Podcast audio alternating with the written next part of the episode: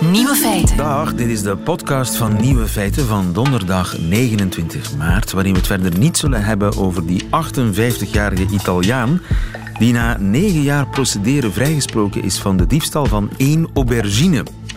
De man was door de politie betrapt in een aubergineveld met een aubergine in zijn zak. Hij voerde aan dat hij werkloos was en geen geld had om eten te kopen voor zijn kinderen. De rechtbank toonde echter geen begrip en veroordeelde de man tot zes maanden cel met 5 euro boete. In tweede aanleg werd die straf verminderd tot twee maanden en 120 euro. Maar het Hof van Cassatie in Rome heeft nu hem helemaal vrijgesproken omwille van zijn financiële situatie en de gebrekkige bewijslast. Geen idee hoeveel je in Italië betaalt voor een aubergine, maar de gerechtskosten zijn intussen opgelopen tot 8000 euro. En die zijn ten laste van de staat. Wat dan wel de nieuwe feiten zijn vandaag wel, een Europees leger zou zich desgevallend heel moeilijk binnen Europa kunnen verplaatsen. Een Indische olifant is betrapt op roken. In veel Afrikaanse talen noemen ze ons blanken rood. En inloggen via Facebook is makkelijk, maar gevaarlijk. Het middagjournaal komt van Sarah van Deurzen. Geniet ervan.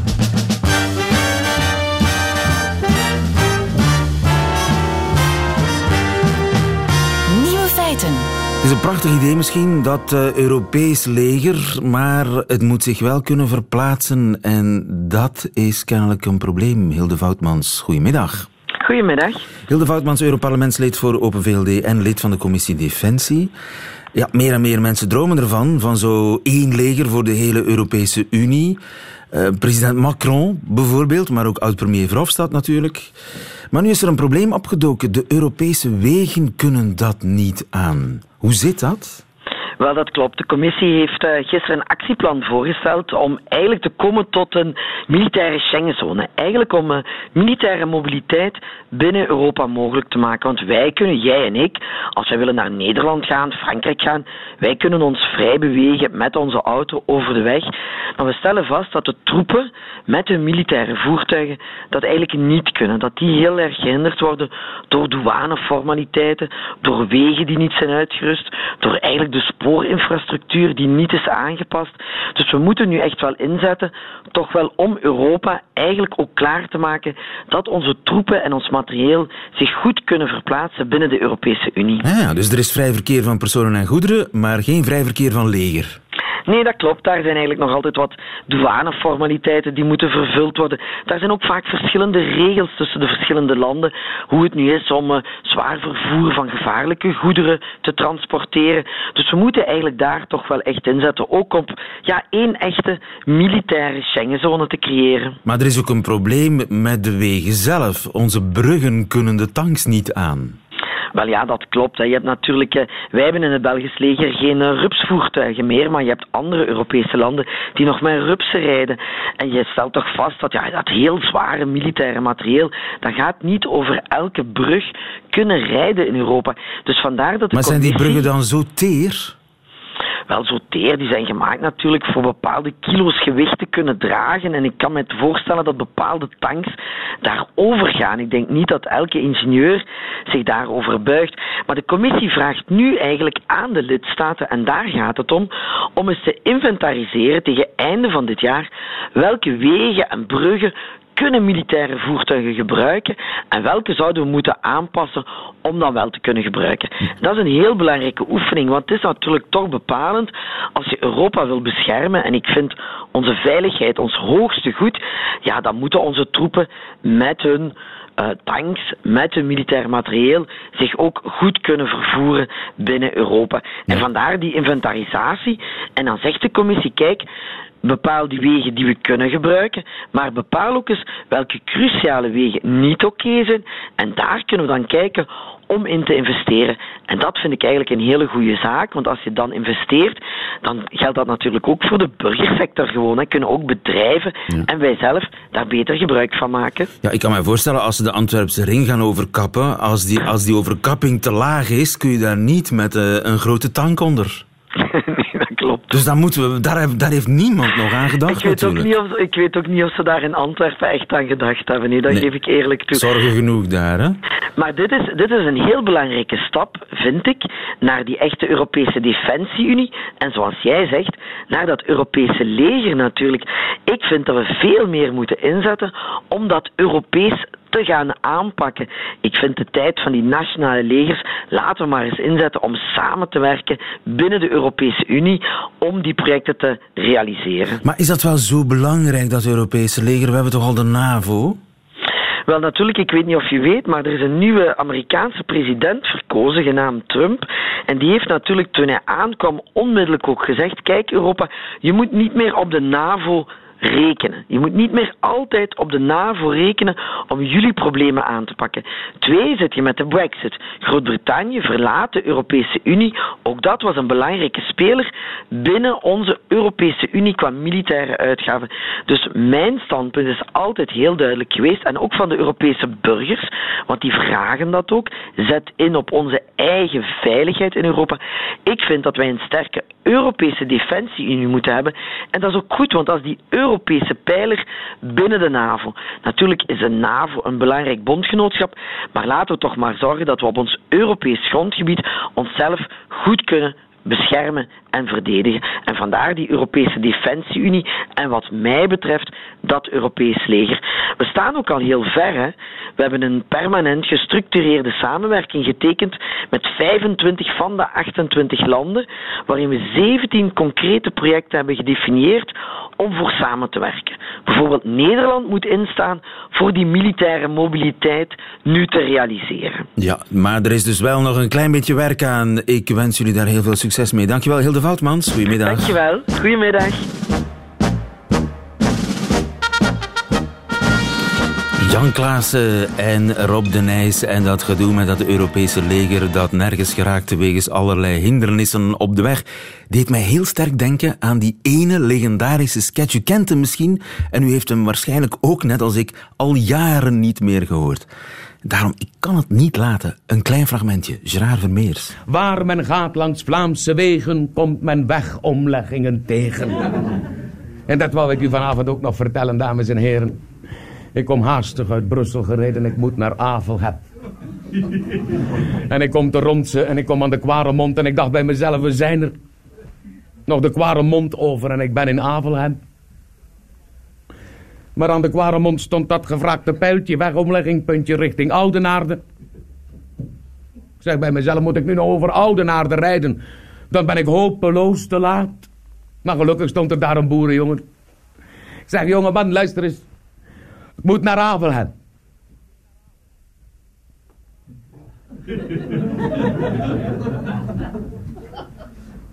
Avelhem? Zinnetje.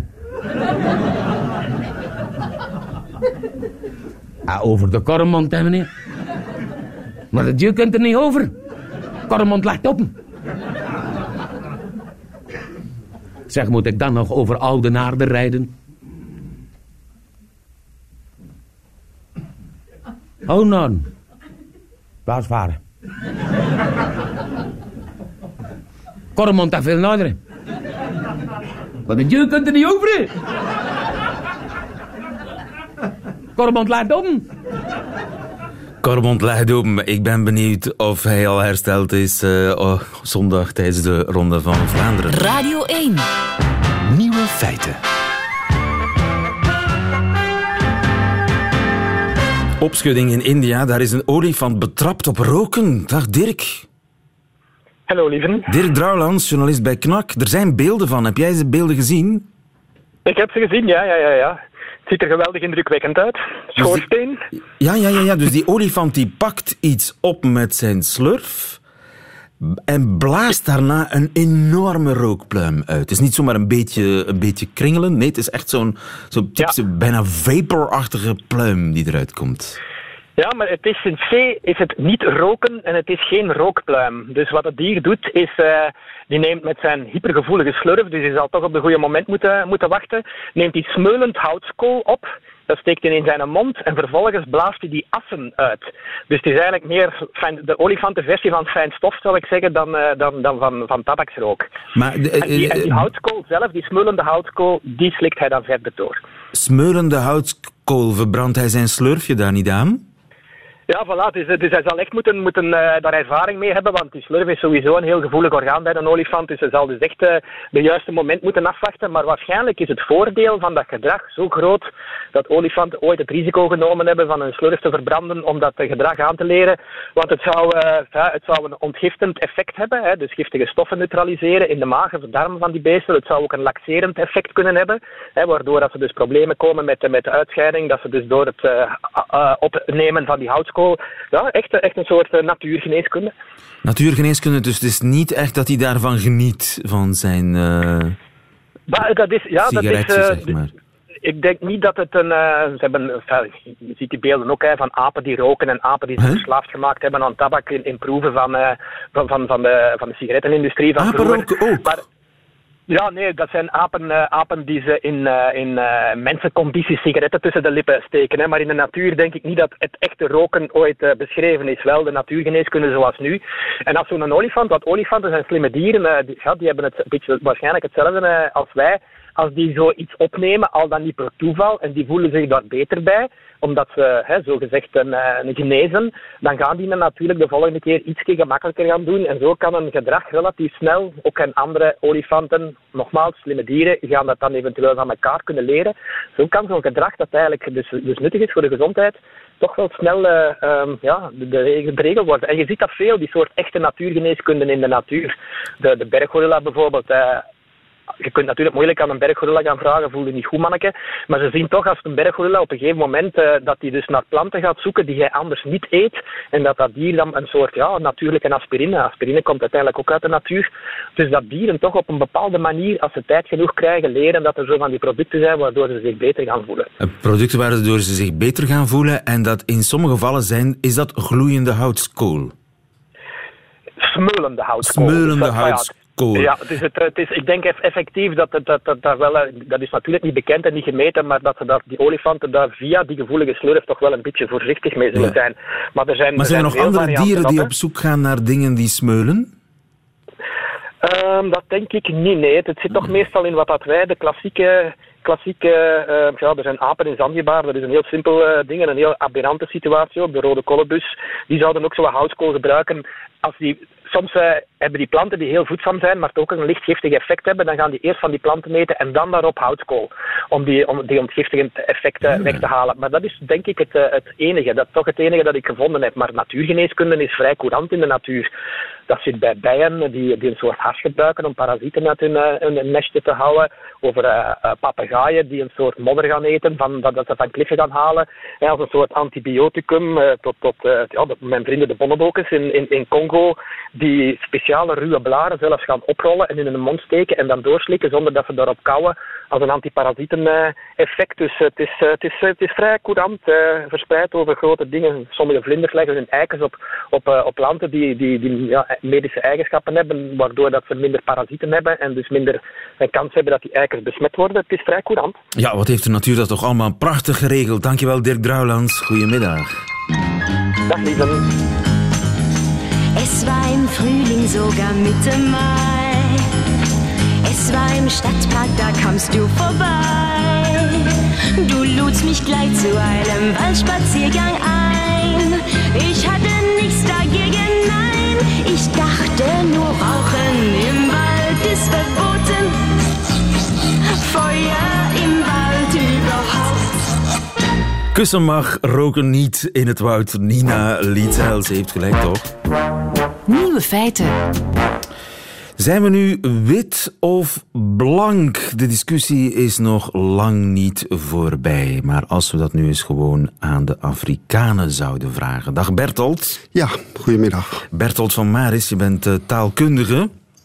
Ja. Het debat is twee maanden geleden opgeleid toen bekend raakte dat de NOS liever van witte mensen spreekt dan van blanken. Ja omdat wit neutraler zou zijn dan blank, wat nog sterker een positieve bijbetekenis heeft dan wit. Blank is namelijk ook onbezoedeld, schoon. Vlaamse tegenhanger VRT, wij dus. Wij volgen niet, omdat eh, ja, wij vinden wit niet minder positief dan blank. Dus wij houden het liever zoals het is. Het is dus een soort Vlaams-Nederlands wel eens niet eens. De een zegt blank, de ander zegt wit. Wat zeggen ze in het Swahili? In het Swahili zeggen ze eh, tegen ons... eh, Nzungu, ja, geloof ik. en dat is letterlijk iemand die rondtrekt. Ah, dat is dus geen Dus ze verwijzen niet naar huidskleur. Eh, je kan ook zeggen het is vreemdeling. En het lijkt op wat ze bijvoorbeeld in Zuid-Amerika tegen je zeggen, gringo. Oh ja, natuurlijk. Je Het bent een betekent, gringo. ja, je bent gewoon iemand anders. Ik was ooit in Congo. Eh, en in Congo spreken ze Swahili, maar ook vooral Lingala. Ja. Eh, en daar riepen ze naar mij Mundele. Hé, hey, Mundele. En wat betekent dat? Ja, geen idee. Oh. Maar ik denk ook niet dat het een kleur is. Nee, want je kan ook zeggen eh, buitenlander, je kan zeggen Europeaan, je kan zeggen eh, overzeeër, iemand van de andere kant van de zee. Een En dat gebeurt overzeer, ook. dat zeggen ze ook in bepaalde Afrikaanse talen. Ja, tegen blanken. En eh, hebben ze ergens wel huidskleurwoorden, als het ware? Ja, die komen ook voor. Oh ja. En, en wat zijn wij dan? Eh, nou, dat is heel grappig. Eh, heel veel talen, heel veel Afrikaanse talen noemen ons eh, rood. Dus wij zijn roodhuiden. Roodhuiden. Nou ja, zo werden in Nederland althans in het verleden Indianen genoemd. Ja, ja, ja. ja, ja. Maar En- zij zien eigenlijk- ons- zij, zij, zij noemen ons nog altijd eh, roodhuiden. En hoe noemen zij zichzelf dan? Eh, nou, wat ik zei, reis, eh, reiziger of buitenlander. Of Nee, maar zichzelf. De, de, wat wij dan zwart noemen. Noemen zij zichzelf dan zwart? Als wij rood zijn? Soms wel, ja, dat kan. Maar het kan ook zijn dat ze voor zichzelf eigenlijk geen bijzonder woord hebben. Want je hebt vooral een woord nodig voor degene die anders is. Als je met z'n allen bent, Ja. dan heb je vooral een woord nodig voor eh, bui- buitenstaanders. Juist, ja. Maar Ik, ik dacht dat ergens... Was het nu in Soudaan? Ah ja, dat is een heel mooi voorbeeld. Ehm, dat is eh, de lokale variant van het eh, Arabisch in Zuid-Soedan. En daar zeggen ze rood of groen of blauw. Rood, groen, blauw. Tenminste, dat zijn de, eh, in het gewone Arabisch. Dat zijn de huidskleuren. Ja, en dan zijn wij rood. En eh, in Afrika is men groen als men vrij licht nog is van kleur. En als men heel donker van kleur is, dan is men blauw. Blauw. En dat, vind ik eigenlijk wel heel mooi. Dat vind ik eigenlijk veel mooier dan eh, wit en zwart. Ja, maar het klopt, het klopt wel niet. Hè? Bedoel, die, die mensen zijn niet blauw. Nee, Ja, wij is- zijn ook niet wit, natuurlijk. nee helemaal niet. Wat, wat zijn wij eigenlijk? Als, als we daar een correcte kleur... eh, Ja, kleur- ik zou zeggen, eh, het begint met eh, rozeachtig, We zijn licht roze. bruin. Ja. Lichtbruin. En het gaat dan, eh, het is een continuum naar eh, heel donkerbruin uiteindelijk. Dus je kan zeggen 50 tinten bruin. 50 tinten bruin. 50 tinten bruin. Maar misschien roze als alternatief voor de wit-blank discussie. Ja. Misschien, misschien is het een oplossing. Nee, want je moet maar eens goed op straat kijken. Heel veel mensen zijn niet, eh, heel veel Europeanen zijn niet roze, maar echt eh, een beetje roodachtig of eh, lichtbruin. Lichtbruin. Dus dat, dat verschilt ook nog heel erg hoor. Nu, maar er zijn sommige Afrikaanse talen waarin ze van zwarte mensen spreken. Ze gebruiken wel het woord zwart soms. Ja, soms wel. En heeft dat dan geen negatieve bijklank? Want dat is het probleem eigenlijk. Hè? Dat bij ons zwart het tegenovergestelde van wit is. Nou, bij wit, ons is- wit is ja. blank, is proper, is, is hemels, is licht.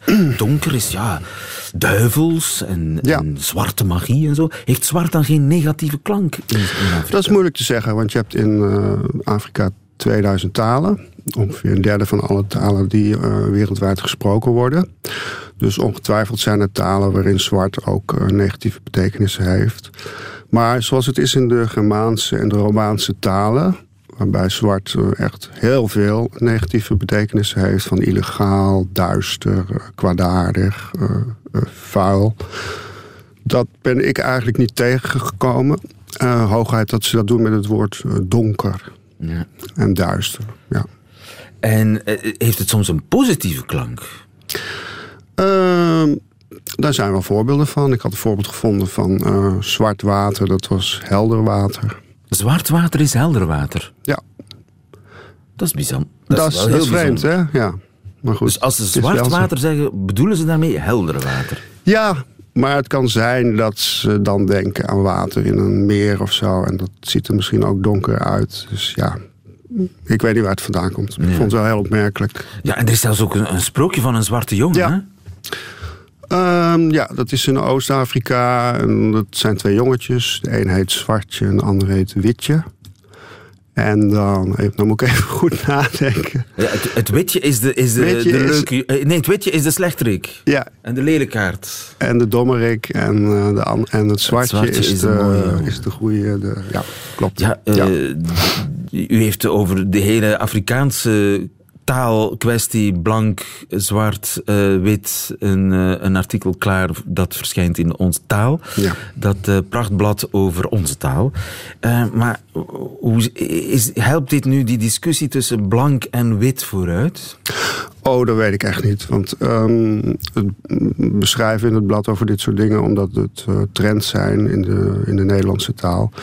Dus het kan, kan helemaal geen kwaad om gewoon eens goed naar die woorden te kijken. Maar, Ik heb- wat zegt u eigenlijk, ik- blank ik, of wit? Ik vind het... Ik zeg blank, want ik vind blank... ehm, ik vind wit vind ik een moeilijke term in dit verband... omdat het meestal negatief gebruikt wordt. Dus eh, je hebt het over de boze witte man. Je hebt het over eh, de media als witte bolwerken. Oh ja, dus, u, Dus uw ik vind probleem met eigenlijk wit, wit- is dat het, eh, dat het een negatieve lading heeft. Natuurlijk, dat is het leuke van taal. Dat, eh, er gebeurt iets met het woord wit, waardoor het opeens een negatieve lading krijgt. Terwijl het oorspronkelijk juist vaak een hele positieve lading heeft. Ja, ja, dus als je, als je spreekt van witte scholen, dan Ja. is dat eigenlijk iets negatiefs. Mag, Nou, mag eigenlijk helemaal niet een witte school. nee, maar een zwarte school mag eigenlijk ook niet.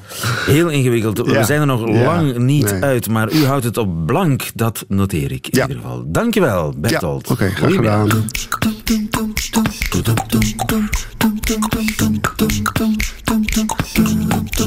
Nieuwe feiten. Ja, kijk, u wil een app downloaden en dan gaat het bijna altijd zo. Heeft u een account? Nee? Maak hem dan nu aan. Of u kunt ook doorgaan met Facebook. Die vraag heeft u toch al gekregen, account aanmaken of doorgaan met Facebook. Wat doet u? Wel, ik wed dat u doorgaat met Facebook. Ik doe dat tenminste altijd, was zoveel makkelijker. Maar is het wel verstandig, Chloe Willaerts? Goedemiddag. Goedemiddag. Ja, gebruiksgemak is de duivel, hè. Gebruiksgemak Ja, het is is de duivel. Maar het, gebruik, het gebeurt zo vaak. Hè. Je wilt een app downloaden. Lab-account vereist. Gedoe met paswoorden, telefoonnummers, adressen. Ja, dan liever die shortcut via Facebook. In feite, wie we zijn online. Hè. Dus onze identiteit hebben we uitbesteed aan eh, Facebook hè, voor een groot stuk. En nu schrikken we een beetje van de gevolgen dat dat allemaal heeft. Ja, want die app krijgt dan informatie van Facebook. Die krijgt je openbaar profiel. Ja, dus dat, het ging, eh, ja, Facebook maakt zelf niet zoveel apps meer. Hè. Ook niet op Facebook zelf. Zijn de spelletjes en zo, meestal door een ander bedrijf gemaakt. En door het eh loginsysteem van Facebook te gebruiken, komen die bedrijven nogal veel over ons te weten. En ik weet niet of je dat nog herinnert, een paar jaar geleden was dat gewoon klikken en gedaan. En zeker met de spelletjes op Facebook nu, sinds een paar jaar, eh, zegt Facebook jou welke gegevens eh, je dan eigenlijk doorspeelt. Hè. Je naam, je adres en deze app kan in jouw plaats posten. En meestal schrik je daarvan. Hè. Als dat een lange lijst is van gegevens, dan zeg je nee, ik hoef die app niet. Eh, eh, maar, maar goed, nu is de bom een beetje gebarsten. Ehm, Het heeft volgens mij ook een beetje te maken met het feit dat mensen een beetje eh, bedenkingen beginnen te krijgen bij de impact die technologie heeft Ja. op ons leven. Maar wacht eens even. Ik log bijvoorbeeld in via Facebook op, ik noem maar wat, Amazon. Ja, en je vergeet uit te loggen, dat is het eigenlijk. Hè. Hetzelfde geldt voor Google en Gmail trouwens. Zolang je ooit bent ingelogd bij, bij Facebook en je gebruikt apps of je bezoekt websites, kan eh, Facebook blijven traceren wat je eigenlijk doet. Ja, dat is Facebook die traceert wat ik doe, maar omgekeerd Amazon die ook weet wat ik op Facebook doe. Amazon weet ook heel veel over ons. Hè. Ze weten onze aankoopgeschiedenis, eh, ze kennen onze visa-kaartnummers enzovoort. Het is, in feite zijn het vier bedrijven, Google, Apple, Facebook en Amazon, die meer weten over Ja. ons eh, dan we soms zelf Maar dat is. Amazon, maar je hebt natuurlijk ook Grindr of Tinder, dating apps. Ja, heb ik over horen praten, ja. Ehm, we geven in feite, we staan daar niet bij stil, hè, maar de hardware die we gebruiken, die smartphones, al die apps die we gebruiken, uiteraard beginnen die na een tijdje eh, meer te weten over ons gedrag online dan we zelf beseffen. Ja. En dan rijst natuurlijk de vraag, wat doen ze daarmee met al die kennis? Ja, ja wel. An- antwoord daar maar eens op. Wat doen ze daarmee? De logica is eigenlijk ehm, om naar adverteerders toe, uh, bijvoorbeeld een adverteerder wil te weten komen wie er op dit moment geïnteresseerd is om een elektrische auto te kopen. Uh, wel, dan kan een bedrijf als Facebook zeggen: Oké, we gooien ons net uit en voilà, hier zijn ze, de mensen die op dit moment met een vrij grote waarschijnlijkheid in de markt zijn voor een elektrische auto. Ja. In principe is dat niet zo, niet zo slecht, hè, want het enige soort slechte um, adverteerders uh, of advertenties zijn advertenties die gewoon niks met ons te maken hebben. Uh, die, die totaal uh, helemaal heel ver staan van wat we eigenlijk willen. Dus ik vind de theorie is wel logisch. Ja. Zo werkt de mediawereld. Zo werkt de mediawereld. En ja, Facebook is gewoon een, een bedrijf dat reclame verkoopt. Dat is het Maar het griezelen is, is, vind ik, dat je, je denkt van, ah, dat zijn allemaal aparte bedrijfjes. Maar door dat, uh, dat inloggen via Facebook, ja, is er een soort van ketting waarbij zowel Booking.com, TripAdvisor, Spotify, Instagram, Uber, Airbnb, Tinder, Grindr, Amazon, die, die hebben allemaal deuren naar elkaar opengezet. Dus dat is eigenlijk één grote vijver, één grote overvloed aan informatie over mij. Partners, ja. Partners noemt Facebook dus- dat. Dus dat is niet, niet te controleren wie wat weet over mij. Inderdaad. Als dus je daar een halve dagtaak van maken om al die privacy-instellingen te gaan checken.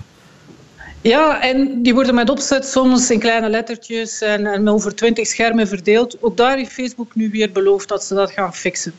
Uh, er zijn privacy settings, maar het is soms nogal ingewikkeld verwoord en die gaan ze nu vereenvoudigen en gebruiksvriendelijker maken.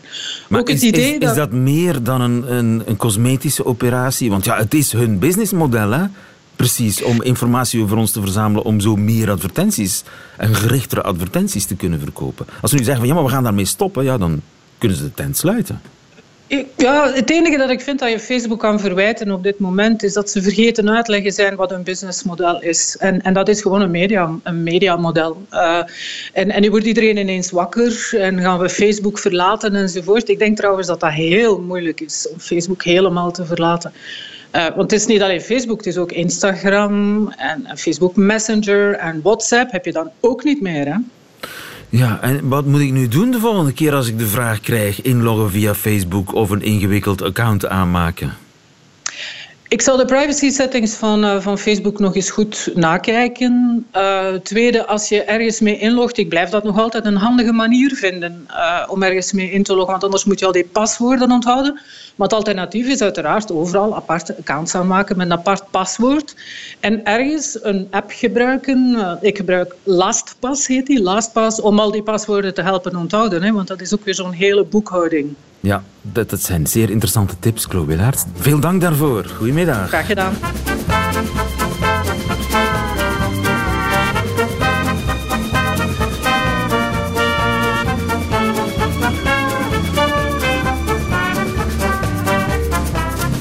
Vrolijkheid troef, maar ik weet niet hoe het zit ten huize van Sarah van Deurzen, de Kylie Minogue of Kenji Minogue zangeres die deze week het middagjournaal bijhoudt. Nieuwe feiten. Middagjournaal. Donderdag 29 maart. Ik zou deze dag willen beginnen met een kleine rechtzetting. Ik heb mij gisteren even laten meeslepen in mijn eh, creatieve trip en heb daardoor een aantal cruciale zaken over het hoofd gezien en zo ongewild de verkeerde informatie de wijde wereld ingestuurd. Het betreft mijn soloproject Connie Anders, er is slecht nieuws voor de fans. Ik heb beslist voorrang te geven aan mijn poëzieambities, die uh, al iets langer sluimeren. En ik kan met minstens even gepaste trots melden dat mijn dichtbundel Connie Dicht vanaf volgende week in de rekken ligt. Uh, even alvast een kleine introductie tot mijn werk.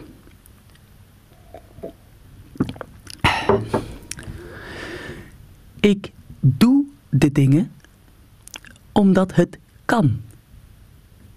Daarom doe ik dingen. Omdat het kan. Ik zou wel eens een week willen brommen in de nor met mijn boeventronie. Gewoon omdat het kan. Ja, en dan vanaf hier zit ik dus eh, een klein beetje vast. Het is namelijk de bedoeling om extreem realistische poëzie te brengen. En ik zou dus moeten weten wat de aard van de misdaad zou moeten zijn om precies een week in de Noord te brommen. En dan liefst in de week dat ik mijn dochter niet heb. Maar uh, ja, waar zijn de gespecialiseerde fora als je ze nodig hebt? Bij wie kan ik terecht voor meer informatie hierover? Ik heb uh, naar justitie gebeld en uh, ze nemen niet op. Terwijl, hoe moeilijk kan dat zijn? Ik uh, word gewoon tegengewerkt in mijn creatieve ontwikkeling en dat hoef ik niet te pikken. Ik kan niet met zekerheid zeggen dat het voortbestaan van de mens mij echt interesseert als ik zelf en iedereen die ik ken er niet meer is. Is dat alvast voldoende reden om mij op te pakken? Zie je mij lachen? Ik denk het niet.